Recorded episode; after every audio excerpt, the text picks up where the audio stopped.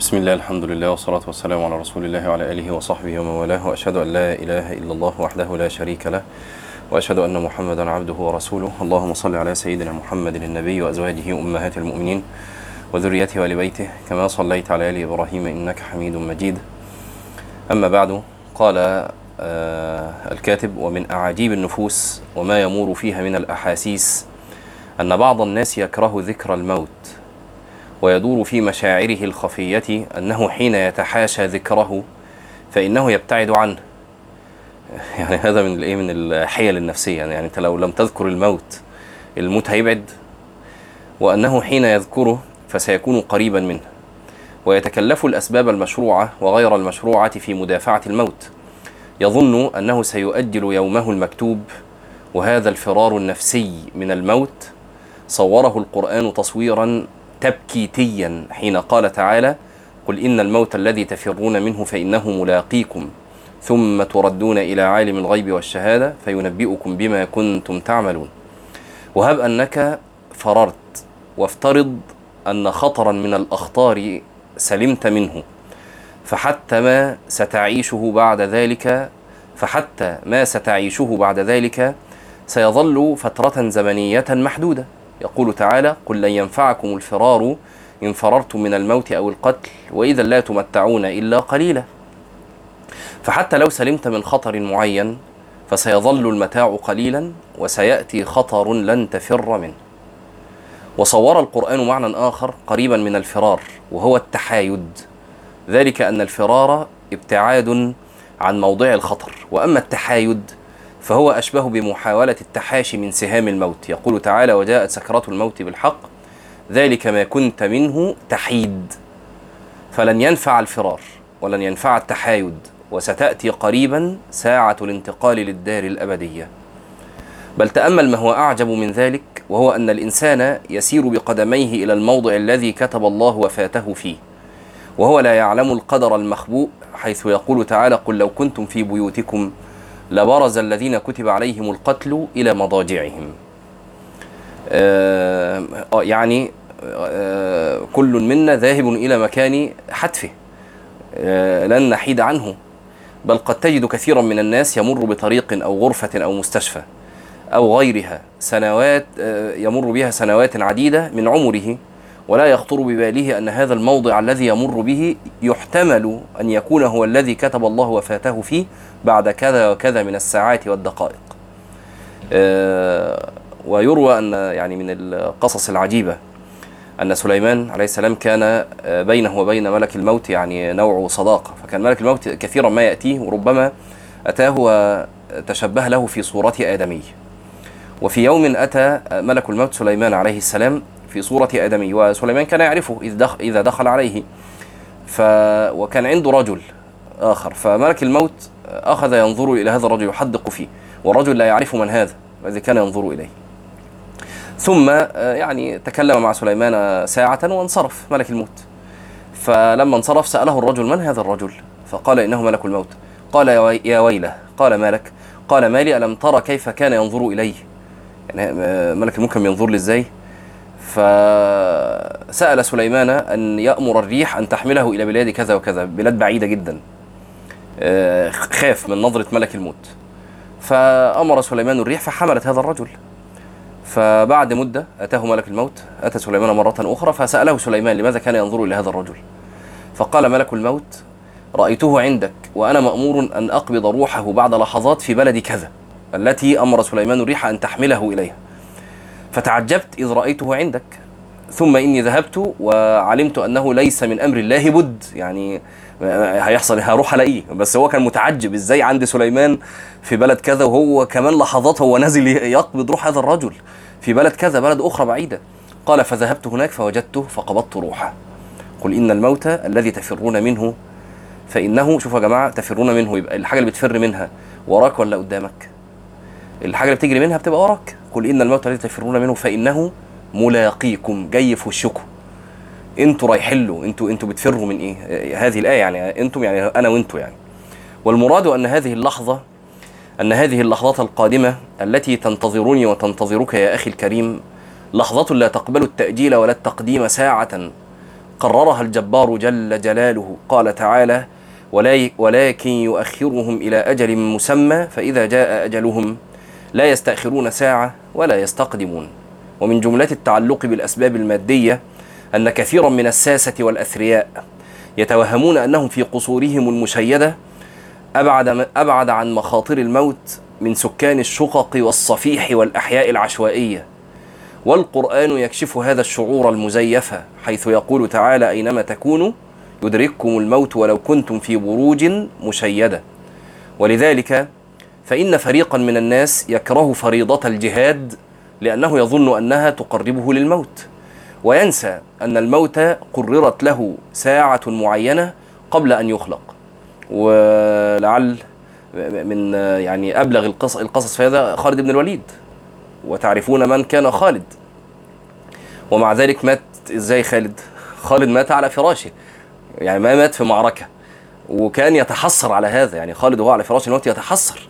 ها أنا ذا وجسمي ليس فيه موضع إلا وفيه إما ضربة بسيف أو رمية بسهم أو طعنة برمح. وها أنا ذا أموت على كما تموت العجائز على فراشي كما تموت العجائز. فلا نامت أعين الجبناء. هذا كلام خالد على فراش موته. آه قال وقد شرح القرآن شيئا من هذا التصور كما يقول تعالى وقالوا ربنا لما كتبت علينا القتال لولا أخرتنا إلى أجل قريب. من القصص ال... يعني يروونها و وهي هي يعني الحقيقة فيها معنى ظريف يعني. آه، إن رجل صياد وبعدين فواحد بيسأله أنت أبوك مات فين؟ قال له مات في البحر. غرق يعني. قال له جدك؟ قال له برضه مات في البحر. قال له عجيب, عجيب جدا. أنت يعني أبوك مات في البحر وجدك مات في البحر وأنت برضه بتنزل البحر. فقال له أنت أبوك مات فين؟ قال له على السرير. مات آه، طبيعي يعني. قال له طب وجدك؟ قال له على السرير. قال له أنت بتنام فين؟ قال له على السرير ف يعني آه، ال- المعنى إنه آه، ال- المكان أنت كده كده رايح لمكانك اللي هتموت فيه مات بحر مات سرير مات ما كلنا هنموت. ولذلك يعرف الناس قصصا كثيرة لمقاتلين تمرغوا فوق جبهات الشظايا وزحفوا تحت قصف الطائرات ومع ذلك عادوا لبلدانهم وعمروا سنين عددا. ويعرف الناس بالمقابل أصحاء أشداء داهمهم الموت فجأة فوق أسرتهم الأنيقة. لماذا؟ لأن هذه الآجال محسومة قبل أن يخلق الناس. لا ينفع فيها فرار ولا تحايد ولا محاولة آه، ولا ينفع فيها محاولة تجاهل وتناس للحظات فراق الدنيا. بل إن بعض الجهلة إذا ذكر له أن رجلا من الناس مات في سبيل الله يقع في قلبه أن سلامته هو من هذا الموت نعمة من الله.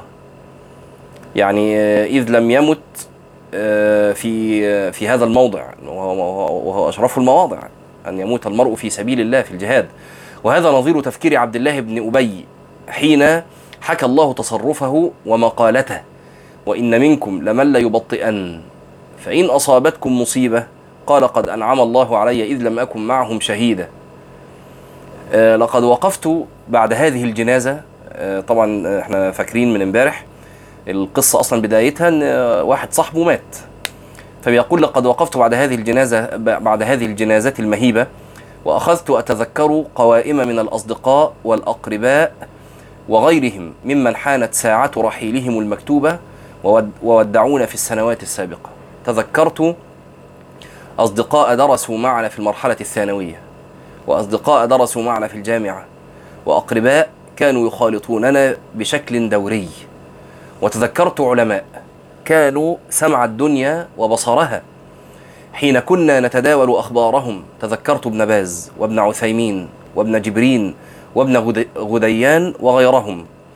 بل تذكرت رسول الله صلى الله عليه وسلم الذي مشى في طرقات المدينة وقرأ بالناس إماما في مسجده النبوي وجلس مع أصحابه بعد صلاة الفجر. ذهبوا كلهم بين أطباق الثرى. فكيف يا ترى يأمن الإنسان ويغفل؟ وهو يرى الناس حوله يتناقصون. هذا والله سر من أسرار النفس البشرية. حين يتمعن الإنسان في هذه الحقيقة الكبرى حقيقة الموت تسري به سلسلة التساؤلات إلى هذه المفارقة التي نعيشها يوميا. أعني التناقض بين العقيدة والسلوك. إذا كنا نؤمن فعلا بأن لحظة توديع الدنيا قريبة منا قريبة منا جدا إنها لحظة بالأبواب إنها على طرف طرف الثمام وقد آه، أخذت وقد أخذت أعدادا ممن ساكنون وآكلون وناقشون وزاملون ودرسون. فكيف يا ترى نغفل ونحن نرى أخبار الموت لا تتوقف؟ آه، مسألة يا جماعة آه، الانفصام دي إن إحنا عندنا عقيدة وعندنا سلوك. العقيدة في حتة والسلوك في حتة. أنت تعتقد اعتقادا جازما أن الموت أقرب آه، أن الموت أقرب شيء إليك وأقرب إليك من شراك نعلك كما قال صلى الله عليه وسلم الجنة أقرب لأحدكم من شراك نعله والنار مثل ذلك شوفوا يا جماعة شراك النعل فين وأنت لابس الحذاء آه، هو في حاجة أقرب لك من شراك النعل؟ آه الموت أنت متخيل؟ طيب السلوك بقى فين؟ السلوك كأننا نعيش أبدا المعاصي زي ما هي والغفلة زي ما هي وتضييع الأوقات زي ما هو عجيب يعني حلنا عجيب. وقد أشار القرآن إلى هذه المفارقة بين قرب الأجل في مقابل استمرار الغفلة. قال تعالى اقترب للناس حسابهم وهم في غفلة معرضون. وأخذت مرة أتأمل أسباب هذه الإشكالية في كتاب الله وأحاول البحث عن موقف القرآن من هذه العلاقة. فوجدت ثلاثة مشاهد صور القرآن تفاصيلها تكشف سرا من أسرار المشكلة ألا وهي مشكلة التأجيل. فهذه الخطايا التي لا زلنا نواقعها لا تجدنا غالبا مخططين للاستمرار عليها. وإنما نقول في أنفسنا إنها مجرد فترة. إنها مجرد فترة يسيرة. لما أنا لسه شاب أنا لسه صغير. أما لما أكبر لما أتجوز لما أخلص جامعة. وسنصحح أوضاعنا جذريا. لا هختلف أبقى محترم. لكن الزمان يتفارط وينسل الوقت من بين أيدينا ونحن لا نشعر. حتى نتفاجأ بملك الموت واقفا فوق رؤوسنا ليأخذ أرواحنا في الساعة المقدرة. أرأيت؟ إنه الذهول عن الحقائق عن الحقائق الكبرى تحت غمامة التأجيل. أخبرنا كتاب الله عن فئام من الناس حين يحضرهم الموت. يسألون الله أن يرجعهم ويعاهدونه أن يعملوا الأعمال الصالحة التي أجلوها. ولكن هيهات لقد فات الأوان. قال تعالى حتى إذا جاء أحدهم الموت قال رب ارجعون لعلي أعمل صالحا فيما تركت. كلا إنها كلمة هو قائلها ومن ورائهم برزخ إلى يوم يبعثون. آه العجيب يا جماعة يعني من الآيات اللي, اللي بتهزني فعلا وكل ما أقرأها أتعجب يعني أضرب كفا بكف. ويمكن كتبت عنها قبل كده. ولو ردوا لعادوا لما نهوا عنه وإنهم لكاذبون. ولو ترى إذ وقفوا على النار. شوفوا يا جماعة استحضروا المشهد ده يا جماعة. ولو ترى إذ وقفوا على النار. فقالوا يا ليتنا نرد ولا نكذب بآيات ربنا ونكون من الإيه من المؤمنين. ولو ردوا لعادوا لما نهوا عنه وإنهم لكاذبون. وقال تعالى آه، ونكون من المؤمنين آه، إيه؟ آه، ولو ردوا لعادوا هكذا كده على طول ولا إيه؟ ماشي ولو ردوا لعادوا لما نهوا عنه وإنهم لكاذبون. آه إزاي بل بدا لهم بل بدا لهم ما كانوا يخفون من قبل، نعم أحسنت. بل بدا لهم ما كانوا يخفون من قبل ولو ردوا لعادوا لما نهوا عنه وإنهم لكاذبون. آية عجيبة جدا وتخيلوا المشهد يا جماعة، مشهد واحد مات ووقف على النار. شاف النار. حاجة عجيبة جدا. قال يا ليتنا نرد بس نرجع. قال سبحانه وتعالى بل بدا لهم ما كانوا يخفون من قبل ولو ردوا لعادوا لما نهوا عنه وإنهم لكاذبون. إزاي الدنيا يا جماعة تفتن حتى اللي شاف النار؟ معنى عجيب جدا. واحد وقف على النار وشاف النار. ربنا بيقول عنه ولو ردوا لعادوا لما نهوا عنه. ليه؟ الدنيا هترجع تفتنهم تاني حتى بعد ما شافوا النار حتى بعد ما شافوا النار. فدعكم بقى من هذه ال- الأقاويل. شوفوا هنا ربنا بيقول إيه؟ كلا إنها كلمات هو قائلها. الراجل اللي بيموت ده اللي بيقول إيه؟ يا رب بس يعني أجلني شوية. يا رب يعني إيه؟ ساعة واحدة. إنها كلمات هو قائلها. قال ومن ورائهم برزخ إلى يوم يبعثون. أمامنا اليوم فرصة للعمل الصالح. قبل أن تأتي هذه الساعة القريبة المفاجئة. التي لن تنفع فيها التوسلات بالعودة لزمان العمل. وأخبرنا كتاب الله عن فئام من الناس. و... و... ويا جماعة كل منا له الساعة ساعته المحتومة. آه، لما الحسن أظن وقف مرة على إنسان بيقبر فسأل الناس اللي واقفة آه، يعني ده لو لو له آه، أمنية الآن إيه اللي يتمناه؟ سأل الناس اللي واقفة. فقالوا إنه يرجع إلى الدنيا ليعمل. قال فأنتم الآن في المهلة فاعملوا. ما إحنا كل واحد منا هيجيله اليوم اللي هيبقى هو اللي مقبور والناس واقفة حواليه صح ولا لا يا جماعة؟ فهو الحسن بيقول لهم الراجل اللي ميت ده لو لو ليه أمنية إيه اللي هيتمناه؟ قالوا إن هو يصحى تاني يعمل. قال طب ما أنتم في المهلة فاعملوا. وأخبرنا كتاب الله عن فئام من الناس حين يحضرهم الموت يسألون الله فسحة زمنية يسيرة ليتصدقوا. ولكن بعد ماذا؟ بعد أن فات الأوان. قال تعالى وأنف وأنفقوا مما رزقناكم من قبل أن يأتي أحدكم الموت. فيقول ربي لولا أخرتني إلى أجل قريب. ح- حاجة بسيطة. فأصدق وأكن من الصالحين ولن يؤخر الله نفسا إذا جاء أجلها. والله خبير بما تعملون. وها نحن الآن في زمن إمكانيات التصدق. فهل سنتردد في قرار النفقة حتى تأتي تلك الساعة التي نبدي فيها الاستعداد للتصدق ولكن بعد فوات الأوان؟ واخبرنا كتاب الله عن فئام من الناس حين يحضرهم الموت يعلنون التوبة ويستغفرون الله. ولكن هل هذا هو وقت التوبة والاستغفار؟ قال تعالى وليست التوبة للذين يعملون السيئات. حتى إذا حضر أحدهم الموت قال إني تبت الآن ولا الذين يموتون وهم كفار. أولئك أعتدنا لهم عذابا اليما. لازلنا الآن في الساعات الأخيرة التي تسبق إغلاق باب التوبة. والتوبة إلى الله تحتاج قرارا فوريا عاجلا. قرار فوري يا جماعة يعني دلوقتي يعني ما تستناش لما الدرس يخلص. ليه؟ لأن ممكن الدرس ما يخلص. ممكن الدرس يخلص وأنت في قبرك خلاص أو وأنت ميت وبيحضروك لل- إنك تدفن. توبة محتاجة قرار فوري يعني الآن دلوقتي في اللحظة دي. إنك جواك كل واحد منا عارف المعصية اللي هو بيعملها. الآن أنا تبت لربنا يا رب عهد إني لا أرجع إلى هذه المعصية مرة أخرى. قرارا لا يحتمل التأجيل ثاني- ثانية واحدة. قرارا يجب أن يدشن الآن قبل أن تفوت الفرصة. هذه المشاهد الثلاثة التي ذكرها القرآن عن أحوال المحتضرين وأمنياتهم من أشد المشاهد زلزلة لمشاعر المؤمن الموقن بلحظة الموت وقربها وخصوصا إذا وضع نفسه في هذه المشاهد. فتخيل كيف لو كان هو نفسه يسأل الله عند الاحتضار أن يعود للدنيا ليعمل صالحا أو يسأل الله أن يعود للدنيا ليتصدق ويكون من الصالحين. أو يسأل الله عند الاحتضار أن يتوب عليه ويغفر له. وفي كل هذه الأمنيات يواجه يواجه بالرفض. يا رب توب. لا. يا رب بس أجل قريب. دقيقة دقيقتين. أقول بس كلمة كلمة كده لاهلي اللي حواليا إن الفلوس دي ادوها لفلان. لا. لا خلاص. لأنها دعوات تجاوزت الموعد النهائي للقبول. وقد كان يمكنه ذلك لو بادر قبل هذه اللحظة. والواقع المشاهد اليوم أن من أكثر ما ينسج حول العيون آه، أن أكثر ما ينسج حول العيون حجاب الغفلة التنافس الاجتماعي على الدنيا. ده ب- ب- عاملة غشاوة علينا على على الأعين. ال- ال- إيه التنافس على الدنيا. فالمرء منذ أن آه، يستجر إلى دوامة المباهاة فإنه لا يكاد يفيق منها إلا على أعتاب القبر خصوصا بعد ال social media كمان. بقت المباهاة يعني حتى بأمور كاذبة. والناس اليوم كأفراس رهان على المناصب والمساكن والسيارات والملابس. لا يكاد أحدنا يلتقط أنفاسه من هذه المنافسات الاجتماعية على حطام الدنيا. وقد نبه القرآن على هذا المعنى الواسع باوجز عبارة وأبلغ صي- صياغة.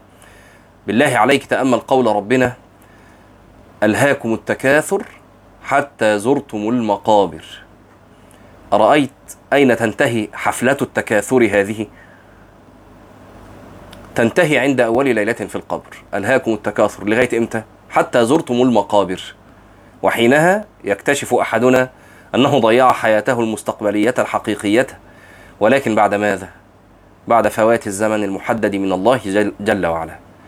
وهذا التكاثر الذي تحدثت عنه سورة التكاثر جاء في آيات أخرى في سورة الحديد.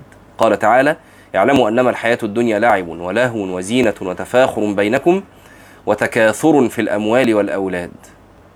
وإذا وفق الله الإنسان أن ينخلع من ملاحظة ما يكتسبه الخلق ويتزاحمون عليه والتحرق على المنافسة فيه من مناصب ومساكن وسيارات وعقارات وأرصدة ونحوها وأقبل على ما هو أعظم من ذلك وهو صناعة المستقبل الأبدي. آه، وعمارة النفس بالله فإنه سيكتشف للحياة معنى آخر. معنى أسمى من الحطام الصغير المؤقت. عارفين يا جماعة آه، لما يكون في كده الشباب شباب صغير في إعدادي في ثانوي فتلاقي إن السن ده معظم الناس اللي فيها في غفلة و... وعاوزين يعيشوا اللحظة زي ما بيقول وتلاقي كده طفل كده منهم أو شاب يعني منهم أو عدد من الشباب منهم مركز قوي في الدراسة ويمكن بيسيب بعض الملهيات اللي الناس اللي جيله كله شغال فيها ومشغول بيها. فتيجي تسأله يقول لك والله أصل أنا إيه عيني على إني أبقى كذا لما أكبر آه، مهندس دكتور ايا كان يعني.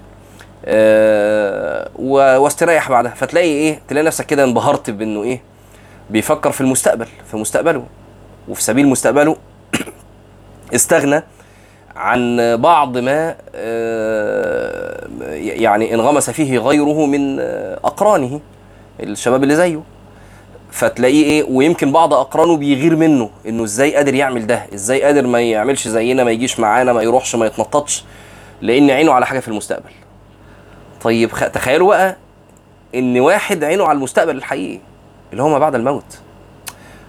يعني هو بقى يعني عزف قلبه عن كل ذلك. وإنما يأخذ من الدنيا بقدر الضرورة وبقدر الحاجة فقط.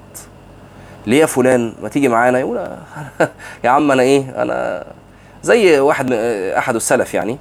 دخل دخل بيته واحد دخل بيته فلا إيه ما فيش حاجة ترد العين يعني.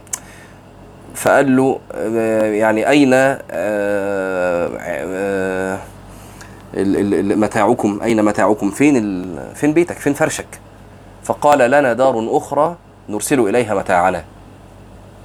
أصل إحنا إيه أنا ليا بيتين أصلي. في البيت ده اللي أنا قاعد فيه ده وفي بيت تاني برسل له دايما متاعه هو طبعا يقصد الآخرة. لنا دار أخرى نرسل إليها متاعنا. فقال الرجل ولكن ما دمت ها هنا فلا بد لك من متاع. طب بس طالما أنت قاعد في الشقة دي أو في في الأوضة دي لابد لك من متاع. قال صاحب الدار لا يدعونا فيها. أصلا أنا المشكلة إن صاحب الدار اللي أنا قاعد فيها دي شوية وهيطردني فأقعد أجيب في متاع وأحط ليه؟ وأنا شوية وهطرد. واضح يا جماعة. وده كانت حالة النبي عليه الصلاة والسلام. يعني يعني فكرة إنك تدخل آه، حجرات النبي عليه الصلاة والسلام. عمر لما رضي الله عنه بيحكي ده برضه إنه دخل فلم يجد ما يرد العين. ما فيش حاجة ما فيش حاجة عند النبي عليه الصلاة والسلام في بيته أو في حجراته. قال كلما رأيت نفسي في غفلة وكلما رأيت نفسي وقد ذه- ذهلت أو قد ذهلت يعني نفسي كده أو كده عن الحقائق الكبرى أخذت أردد فتش عن دوامة التكاثر. كأن هنا الكاتب يا جماعة بيحط إيدينا على سبب بيخلينا نغفل. هي إيه دوامة التكاثر؟ وأنت أول ما بتخش الدوامة مش بتحس بنفسك. زي بالظبط اللي بيخش دوامة في البحر. آه، ليا صديق مرة سحبته دوامة ونجاه الله عز وجل. آه، فكان الشعور اللي حس بيه وهو في الدوامة إنه قعد آه، عمر طويل. الدوامة دي يعني يمكن ما كملش فيها لحظات. بيقول أنا حسيت إن أنا في الدوامة إني قعدت يعني كل كل الذكريات مرت على خاطري. وده كذا حد برضو من أصدقائي اللي بيعمل حادثة وعربيته تقلب بيه وبعدين ربنا ينجيه برضو يقول نفس الكلام.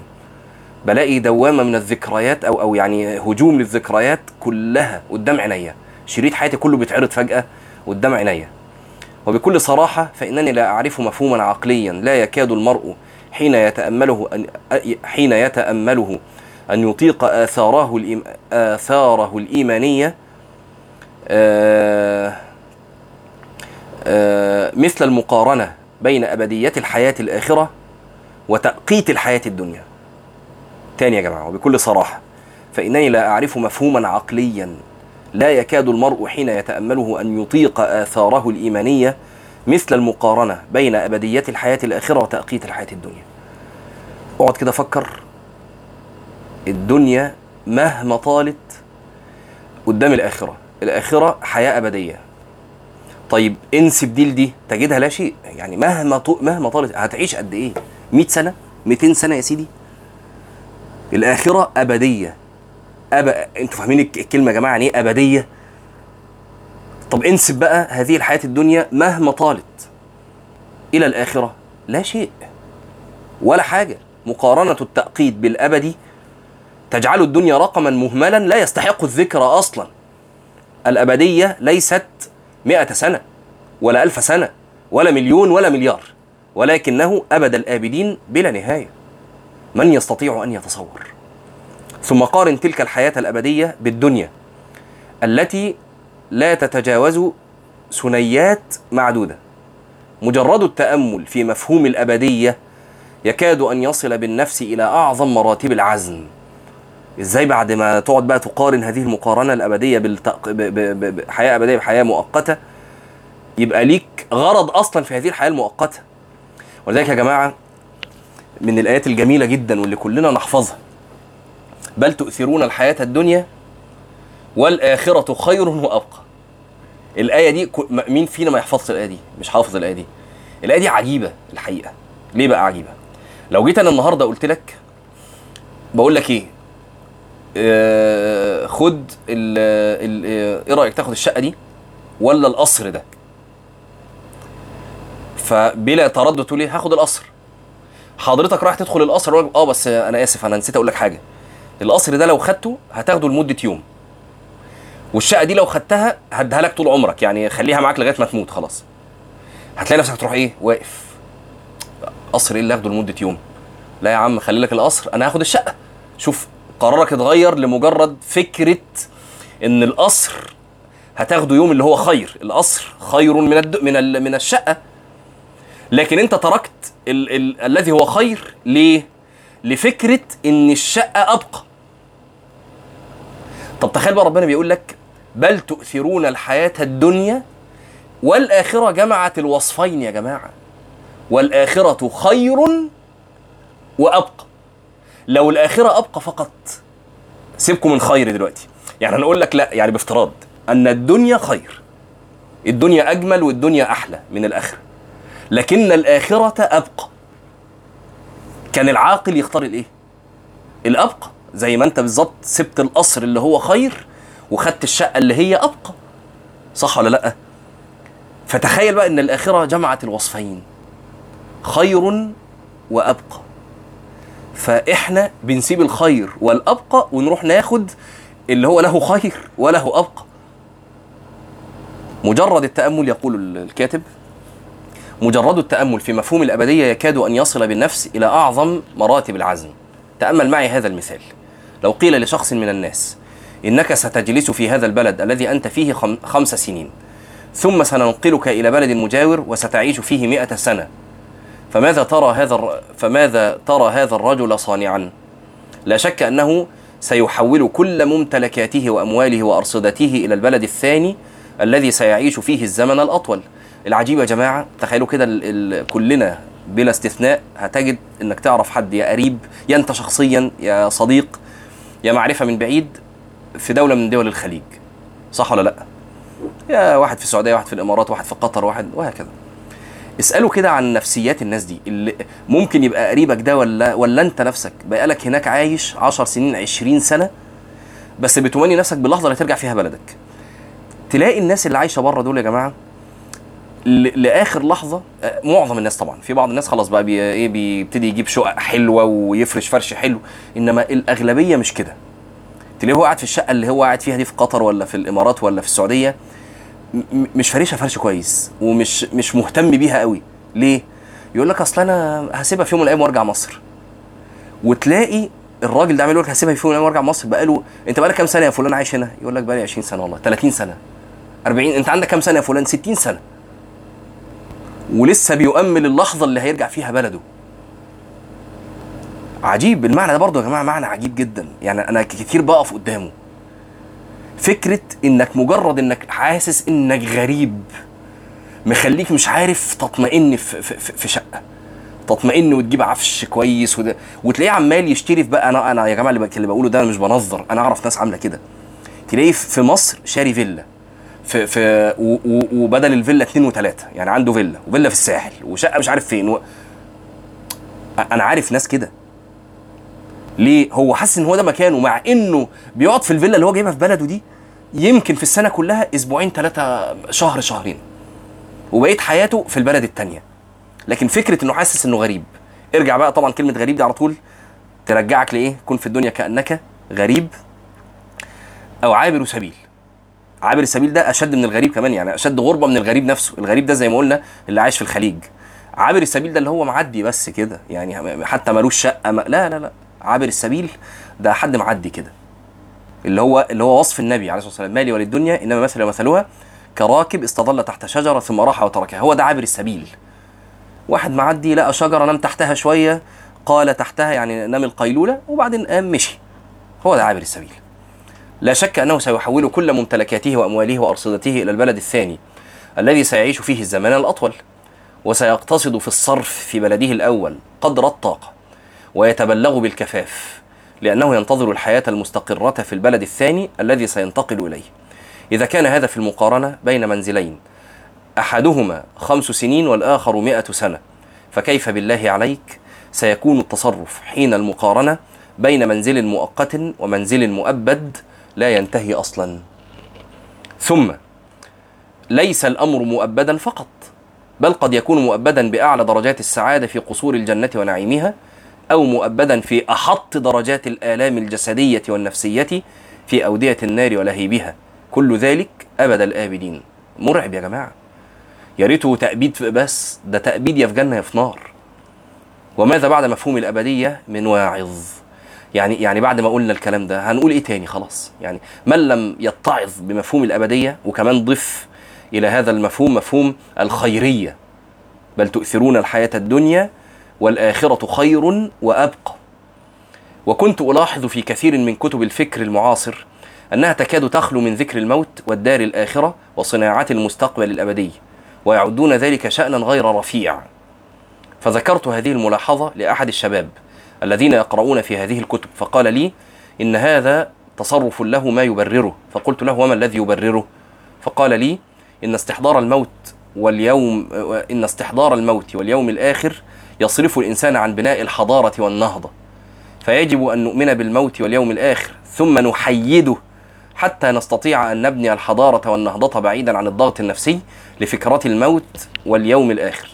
هذا ملخص كلامه بعضه بعبارته وبعضه بمعناه. والحقيقة آه، بتوع يا جماعة ال coaching وال life coaching والتنمية البشرية والناس دي تلاقيه عمال يقولوا كلام عجيب. وأنا يعني احدهم يعني إيه أو عنده يعني إيه فطنة وقال برضه يعني إيه ابتدى بقى يعني ينبه على هذه يقول لك إيه يقولوا لك آه، قوم اشتغل اعمل مش عارف إيه. انت آه، لو هتموت دلوقتي لو عرفت انك هتموت بكرة هتعمل إيه؟ يلا قوم اشتغل. اللي هو يعني هشتغل إيه يا جماعة؟ لا لو عرفت إن هموت بكرة أنا مش مش هشتغل طبعا. الله هو هو اصلي اودع أقاربي أقعد مع أهلي. هو ده اللي هعمله. لو عرفت إن هموت بكرة اشتغل إيه وأعمل إيه؟ لا مش هشتغل طبعا ولا هروح الشغل. لو عرفت ان هموت بكرة. فقال والحقيقة أن والحقيقة أن هذا آه، فهم مغلوط كليا. ولا يقول هذا الكلام رجل قرأ كتاب الله وأيقن صدقا بمعانيه. فإن استحضار الموت واليوم الآخر هو الذي يدفع فعلا للعمل الصالح النافع المثمر طبقا لمراد الله. قال تعالى واستعينوا بالصبر والصلاة وإنها لكبيرة إلا على الخاشعين الذين يظنون أنهم ملاقوا ربهم وأنهم إليه راجعون. يبقى لما تتذكر الموت هتقوم تصلي. طب هي الصلاة دي مش عمل؟ هي دي العمل يا جماعة. هو العمل ده لازم يبقى إنك ب... ب... يعني ب... ب... بتبني مدن وبت لا ولا صناعات الصلاة عمل. فانظر كيف كانت الصلاة هينة ميسرة لمن امتلأ قلبه باليقين بلقاء الله. ولما ذكر الله تخاذل جنود طالوت بين أنه لم يقف ويثبت معه إلا من امتلأت قلوبهم باليقين بلقاء الله. قال تعالى فلما جاوزه هو والذين آمنوا معه قالوا لا طاقة لنا اليوم بجالوت وجنوده قال الذين يظنون أنهم ملاقوا الله كم من فئة قليلة غلبت فئة كثيرة بإذن الله والله مع الصابرين فانظر كيف لم يصبر في مقام الجهاد إلا من عمرت نفوسهم بحقيقة الموت واليوم الآخر. وترى أمثال هؤلاء المفكرين التغريبيين أو من أصابتهم بعض شعب التغريب يتندرون بمن يكثر من ذكر الموت بل ويسميها بعضهم عقيدة انتظار الموت على سبيل الاستهانة والانتقاص. بالرغم من أن انتظار الموت شعبة من شعب الإيمان في كتاب الله تعالى قال تعالى من المؤمنين رجال صدقوا ما عاهدوا الله عليه فمنهم من قضى نحبه ومنهم إيه؟ ومنهم من ينتظر من ينتظر إيه يا جماعة؟ من ينتظر أن يقضي نحبه من ينتظر الموت وما بدلوا تبديلا. أه وامتلاء القلب باليقين نقف هنا. أه قولوا قولي هذا وأستغفر الله العظيم لي ولكم سبحانك اللهم وبحمدك نشهد أن لا إله إلا أنت نستغفرك ونتوب إليك.